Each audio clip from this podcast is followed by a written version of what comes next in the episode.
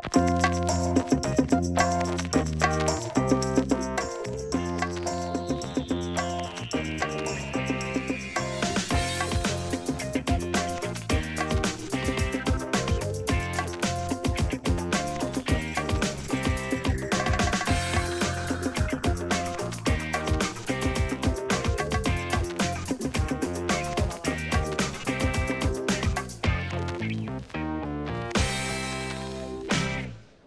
Takže ešte raz dobré ráno. V prvom rade uh, je pre mňa veľkou cťou byť speakerom Creative Mornings. Uh, som veľkým fanúškom tohto projektu. Za posledné 4 roky som ako účastník absolvoval fakt veľa kreatívnych rán. Uh, a nielen v Prahe, dokonca aj v Amsterdame, minulé leto napríklad aj v New Yorku, kde sa mi podarilo zoznámiť sa aj s Tinou, vlastne zakladateľkou celého konceptu Creative Mornings. A o to radšej som, že vás môžeme privítať u nás vo Forbidden Spote ktorý sme otvorili teraz 1.4. a vlastne e, je to taký domov nášho labelu Live is Porno, zároveň domov nášho e, gastronomického projektu Forbidden Taste. E, téma tento mesiac na, vo všetkých mestách sveta Creative Mornings je Broken. Keď som rozmýšľal nad tým, že kedy som bol broken, tak úplne prvá top of mind ma napadla moja zlomená noha. Mal som 15 rokov, leto, bolo presne v polovici, a ja som si na skate zlomil nohu. Uh, proste najväčšia tragédia, akú si 15-ročný mozog dokáže predstaviť. Nemohol som chodiť vonku, nemohol som skateovať, byť pri vode, robiť všetky tie experimenty, ktoré s týmto vekom súvisia. A mal som 15, ako uh, v tej dobe mal Mark Zuckerberg 16, to znamená, že žiadne Facebooky, Snapchaty, Instagramy, YouTube neexistovali internet uh, bol cez modem, tí niektorí si pamätáte, že čo to bolo za trápenie. Uh, to je, keď ste na horách a nemôžete chytiť nielen edge, ale ani, ani signál. Takže uh, bol som odkázaný v podstate na knihy, bol som odkázaný na nejaké videohry a začal som fotiť. Požičal som si nejaké knihy, dostal som sa k analogovej zrkadlovke, to je to na film, čo si normálne musíte vyvolať, akože keď fotíte. A Uh, začal som fotiť hlavne skate. So zlomenou nohou som chodil za kamošmi do skateparku a proste fotil som. Teraz určite čakáte nejakú srdcervúcu pointu, že ak som sa vďaka tomu dostal eh, na obálky skateových časopisov alebo niečo také. Uh, tá pointa je trošku iná. Uh, vďaka foteniu som si uvedomil, že fotenie mi ide lepšie ako skateboarding a začal som sa venovať o niečo viac. Vďaka foteniu som sa zase dostal k písaniu. Začal som písať pre nejaké nielen skateové médiá, a vďaka písaniu pre BoardLive, jedno, jeden zo skateových časopisov, uh, som sa zase dostal k Warehouse. To bol môj prvý biznis, mali sme 18 rokov, s kamarátom sme uh, spustili vlastne prvý online skate a snowboard shop na Slovensku. A vďaka Warehouse som sa zase dostal k Red Bullu a tak ďalej a tak ďalej. Takže dá sa povedať, že všetko zlomené, alebo všetky, všetky zlomené veci nejakým spôsobom vedú uh, k niečomu novému. Uh, napríklad uh, aj keď niečo rozbijete, niečo stratíte, niečo, niečo sa vám pokazí, tak jasné, dá sa na to pozrieť ako na úplný koniec, ale môže sa, môže sa človek na to pozrieť aj ako na začiatok. Na začiatok toho, že môžete si tú vec kúpiť lepšiu, horšiu, novú, uh, alebo si ju vôbec nemusíte kúpovať, lebo zistíte, že vás oberala o a tak ďalej. Uh, pri tom, že všetko zlomené, alebo všetky, všetky takéto zákazy nejakým spôsobom uh, so, sebou, uh, so sebou nesú niečo nové, tak e, ma napadá jedna story, ktorá, ktorú už možno niektorí z vás počuli. E, ja som e, sa po šiestich rokoch práce pre Red Bull rozhodol opustiť fakt dokonalý job práve v centrále Red Bullu v Salzburgu, spresťahovali sme sa do Prahy, aby sme tu s kamarátmi vlastne založili, alebo oficiálne spustili label Live is Porno. Takže vlastne s Dianom, s môjim spoločníkom, bolo jasné, že, že firma sa bude volať, SROčka sa bude volať Live is Porno SRO. A uh, to sa samozrejme ale nepáčilo obchodnému súdu, ktorý nám to zamietol a dal nám k tomu ešte aj krásne štvor alebo 5 stranové e, vyjadrenie, prečo život nie je porno. Takže uh, sedeli sme na D1, pamätám si to ako doteraz zácpe a rozmýšľali sme s, s Dianom, či, jak nazveme firmu, aby to bolo aj výpovedné a niečo podobné. A potom nás to napadlo, že keď ťa zakážu, tak buď zakázaný. A tak sme založili Forbidden SRO.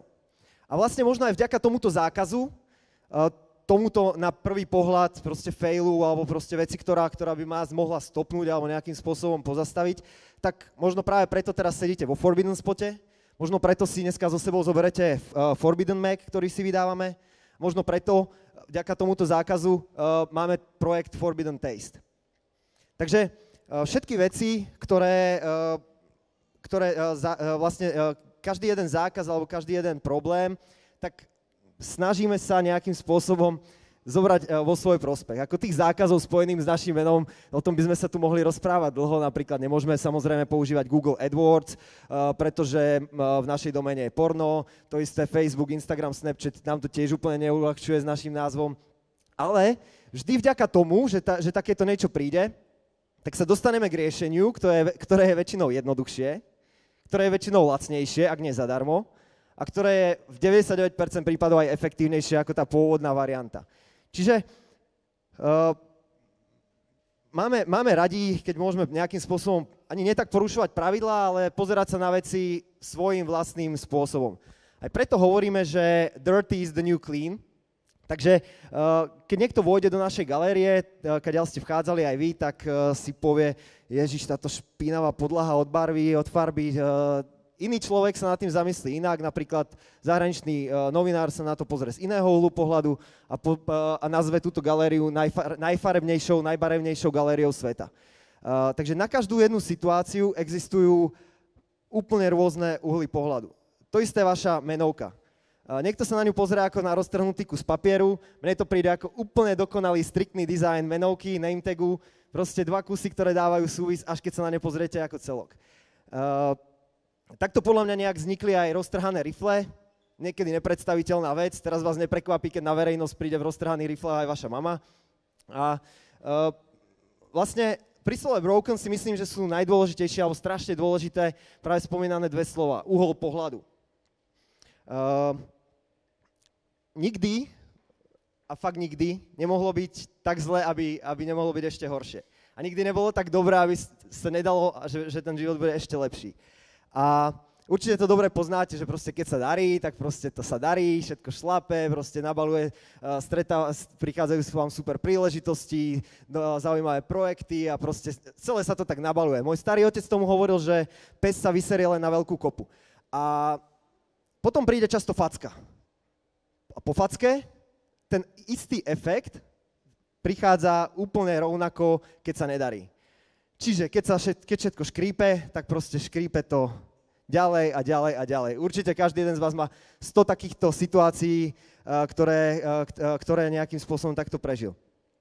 Čo je ale dôležité, vždycky sa zamyslieť nad tým, že čo je ten zlomový bod, aby som sa otriasol, aby som sa zamyslel nad tým, znova prelomiť tú, tú hranicu toho, aby znova vlastne sa veci začali diať, aby sa začalo dariť. Väčšinou je to strašne jednoduché, ale človek ako je utopený v tom, že, že proste to bolo zlé a proste sa stalo niečo zlé, tak väčšinou sa utopí v tom až natoľko, že, že často nevidí ten druhý uhol pohľadu. Často sa na to zabudne pozrieť aj z, z, z, inej, z inej perspektívy. A ešte niečo k tej facke. Facka znamená reštart. Znamená to proste jasný signál, že bola prekročená nejaká hranica. Či už je to otcovská facka, facka od ženy, od niekoho blízkeho alebo niekoho cudzieho na ulici. Proste viete, že ste prekročili nejakú hranicu, že je to nejaký reštart. Proste facka bolí, keď ju dostanete a často bolí ešte viac, keď ju dáte. A práve tie facky uh, sú pre mňa nejakým spôsobom, aj tie virtuálne, či už v biznise alebo v živote, uh, sú pre mňa budem, budem trošku e, klíše, ale fakt e, súhlasím s motivačnou literatúrou, s tým najväčším klíše, že, že každý úspešný človek musel niekedy fakt zlyhať. A naša spoločnosť, to všetci viete, že proste na zlyhania nie je úplne ani netak pripravená, ale skôr ich odsudzuje ako chváli.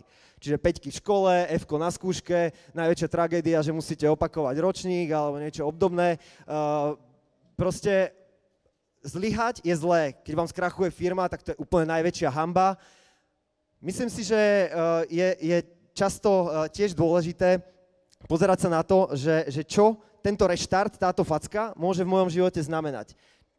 Čo, k čomu ma to vlastne privedie. Takže facku, akúkoľvek, treba brať, to teraz neznamená, že, že začnete rozdávať facky, ako odtiaľto odídete, prosím, to v žiadnom prípade. Ale facka v akomkoľvek slova zmysle pre mňa osobne znamená fakt reštart a zamyslenie sa. Ehm, keď som sa zamýšľal, vravím nad tým, že, že kedy som bol broken, na akých situáciách sme už fakt mysleli, že, že už to ďalej nepôjde, teraz sa hlavne bavím o biznise, tak som si uvedomil, že fakt 99% týchto fuck alebo týchto problémov sme nejakým spôsobom dokázali využiť vo svoj prospech. Uh, neutopiť sa v tom a práve naopak nejakým spôsobom sa od toho odraziť a využiť to práve pre seba. Uh, niečo, čo vystihuje väčšinu mojich projektov alebo projektov, ktorých som namočený, je lámanie zabehnutých pravidel, zabehnutého kliše, status quo. Uh, je, väčšina našich projektov je tak trochu na hrane, je tak trochu možno na začiatku úplne nie je jasná, že, že, že prečo, prečo to robíme. Uh, napríklad uh, Forbidden Taste. Keď sme sa s Ivon, mojou ženou, rozhodli spraviť prvý Forbidden Taste, tak vlastne v hlave sme mali koncept netradičných večerí, proste na úplne psycho miestach, uh, kde proste budeme mať, robiť ten kontrast, že, že ste fakt v úvodzovkách špinavom mieste, v industriále a zároveň tie biele rukavičky je vám servírovaná najkrajšia fine diningová večera. Uh, hostia dopredu netušia, kde budú večerať, nebudú vedieť, uh, čo budú večerať, poznajú len meno šéf kuchára. A uh, v tejto dobe, vlastne, keď sme, keď sme spustili tieto prvé, tak na všetkých cuketkách a iných fórach, tak boli všetky diskusie, ty vole, kto by už dal dvojku alebo trojku za večeru z trafostanici, keď môžem ísť do myšelinskej reštaurácie, od neznámeho šéf kuchára a tak ďalej a tak ďalej. Keď sme sa riadili týmto, proste týmito diskusiami, všetkými týmito vecami, tak asi to bolo presne 3 roky dozadu a nemali by sme za sebou fakt desiatky úspešných eventov na fakt halúzných miestach od skateparkov, divadiel, múzeí, eh, cez staré lázne a tak ďalej. Nemali by sme za sebou stovky spokojných hostí, ktorým sme tak trošku aj vďaka ním mohli posúvať tie, tie levely toho, čo, čo je zabehnuté a, a že ich posúvať aj mimo tú ich komfortnú zónu. A, a takisto e, nie sú, nie sú to len eventy pre verejnosť, ale aj eventy pre firmy. Takže máme veľa rôznych firemných klientov a nie len, nie len v Čechách. Uh, ono, keď sa nad tým zamyslíte, keď si predstavíte naservírované jedlo, prvé, čo vás napadne, tanier. Proste jasné, že jedlo sa servíruje na tanieri, nie? Ale prečo? Proste prečo?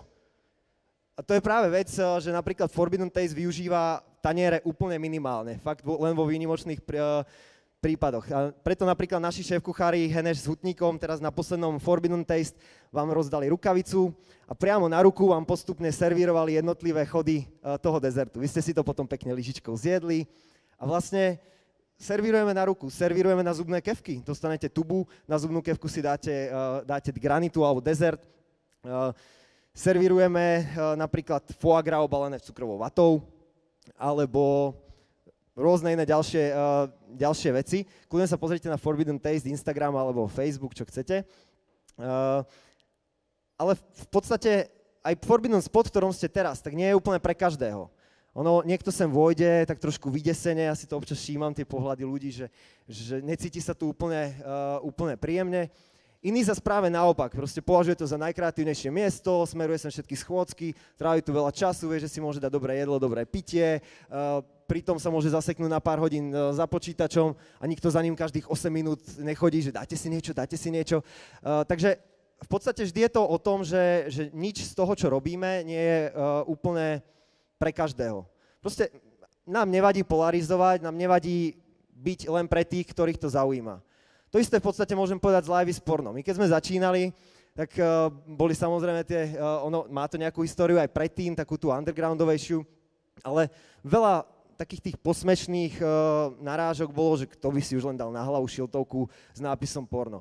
Uh, niekto áno, a my sme za to strašne vďační. Šiltovky sú náš taký nosný produkt, každá jedna je ručne malovaná, Uh, a vlastne každá jedna je tým pádom originál. Čiže sme asi jediná značka na svete, ktorá robí ručne malované veci v podstate masovo, i keď tie počty sú stále strašne limitované, či už pri tričkách, ktoré tlačíme, teda tiskneme, eh, ale v, vlastne v limitovaných počtoch a sú vždycky inšpirované handmade, uh, handpainted designami. Uh, so šiltovkami vlastne súvisí aj spôsob predaja. Často napríklad robíme to, že, že šiltovky ukážeme vlastne koláž tých šiltovek z danej edície, následne ich zabalíme do krabíc, a odosielame úplne náhodne. My fakt nevieme, ktorú šiltovku ti odosielame a ty nevieš, ktorú, ktorá presne ti príde. Vieš zhruba ktorá, pretože všetky majú ten podobný vizuál, ale proste nevieš presne ktorá. Voláme to Lucky Strike uh, edície. Uh, vlastne sme strašne radi, že, že ľudí to baví sa s nami takýmto spôsobom hrať alebo takto, uh, takto fungovať, že cenia to, čo robíme. Že proste, jasné, je, naj, je najjednoduchšie vydať tých šiltovek tisíc, vypredať a v podstate skončiť. Nás to baví trošku inak. Radšej si to robíme pomalom. Uh, vydávame edície, 20 až 50 kusov povedzme, uh, vždy sa na ne čaká, vždy sú vypredané za pár minút, včera to bolo tuším 30 sekúnd a sme, sme fakt radi, že to proste funguje. Uh, samozrejme, mohli by sme byť spokojní s tým, že OK, super, Československo tu funguje a tak, ale nás to až tak úplne nebaví, proste radi posúvame svoje levely ešte ďalej, preto sa snažíme nejakým spôsobom dostať do sveta a, a vlastne uh, chceme tento náš lifestyle, tak ako sme ho priniesli tomu Československu, tak ho chceme proste priniesť aj tým ľuďom v Brooklyne, aj tým ľuďom v Londýne, aj tým ľuďom proste v Berlíne, dajme tomu. Uh, ono, live is porno uh, definuje často slovo náhoda alebo osud. Strašne veľa vecí sa nám z nejakého dôvodu stáva dá sa povedať náhodne. Niekto by tomu povedal náhoda. Ako ja si stále, stále zastávam názor, že uh, musíš byť v správnom čase na správnom mieste, ale musíš byť aj správny človek, pretože proste ak nevyhľadávaš tie situácie, tak uh, aj keď ti padajú na hlavu v úvodzovkách, tak proste uh, si ich nestihneš všimnúť. Uh, nám sa napríklad teraz minulý týždeň sme sa vrátili z Londýna a tam sa nám stala práve jedna taká príhoda, okrem iných, uh, práve s Dianom sme sa podstate náhodou stretli s Annou Lavrini, ani mne to meno absolútne nič nehovorilo, ale uh, obličej alebo tvár, ktorú, taký Picassovský, Picassovský face, ktorý sme stretávali všade po Londýne, tak mi hovoril veľa. Uh, zrazu sme zistili, že, že ten Picasso uh, je vlastne 40-ročná Italka, ktorú by ste si na ulici nikdy nevšimli. Je to momentálne jeden z najvýraznejších londýnskych street art teriek. A vlastne táto dáma prišla za nami o pol druhej v noci za úplne neznámymi ľuďmi na svojom bicykli, vpredu v košíku mala farby a vlastne aj vďaka takejto nejakej náhode uh, Dian s ňou do 6 rána uh, maloval v uliciach Londýna. Takže uh, keď sa mňa niekto spýta, že čo je pre mňa live is porno, ako by som definoval a prečo je live is porno, uh, podľa mňa tá definícia sama o sebe je ideálna, pretože neexistuje. Každý jeden si tú vec, tú, tú myšlienku vyloží po svojom.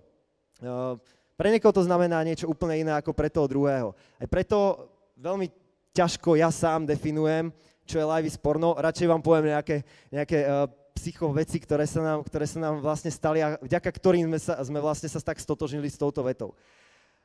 Uh, Vivian Westwood uh, povedala, ja nechcem robiť veci iné ako ostatní. Teda nechcem robiť iné veci. Ja chcem robiť presne to isté, čo ostatní, ale chcem to robiť inak. To isté Keith Feráci, jeden z mojich uh, najobľúbenejších spisovateľov, tak uh, napísal, že nie je dôležité na novo vynájsť koleso. Ono ho niekedy stačí len pripnúť k inému vozňu. A práve preto vás chcem poprosiť, pozerajte sa na veci aj z iných uhlov pohľadu. Uh, nebojte sa občas porušiť pravidlá, nebojte sa byť iný ako iný. Eh, keď budete vychádzať von z Forbidden Spotu, tak eh, vlastne pri vstupe eh, si prečítajte tie naše pravidlá Forbidden Spotu a hlavne to posledné. Takže ešte raz opakujem, nebojte sa občas porušiť pravidlá, lebo život je porno. Díky moc.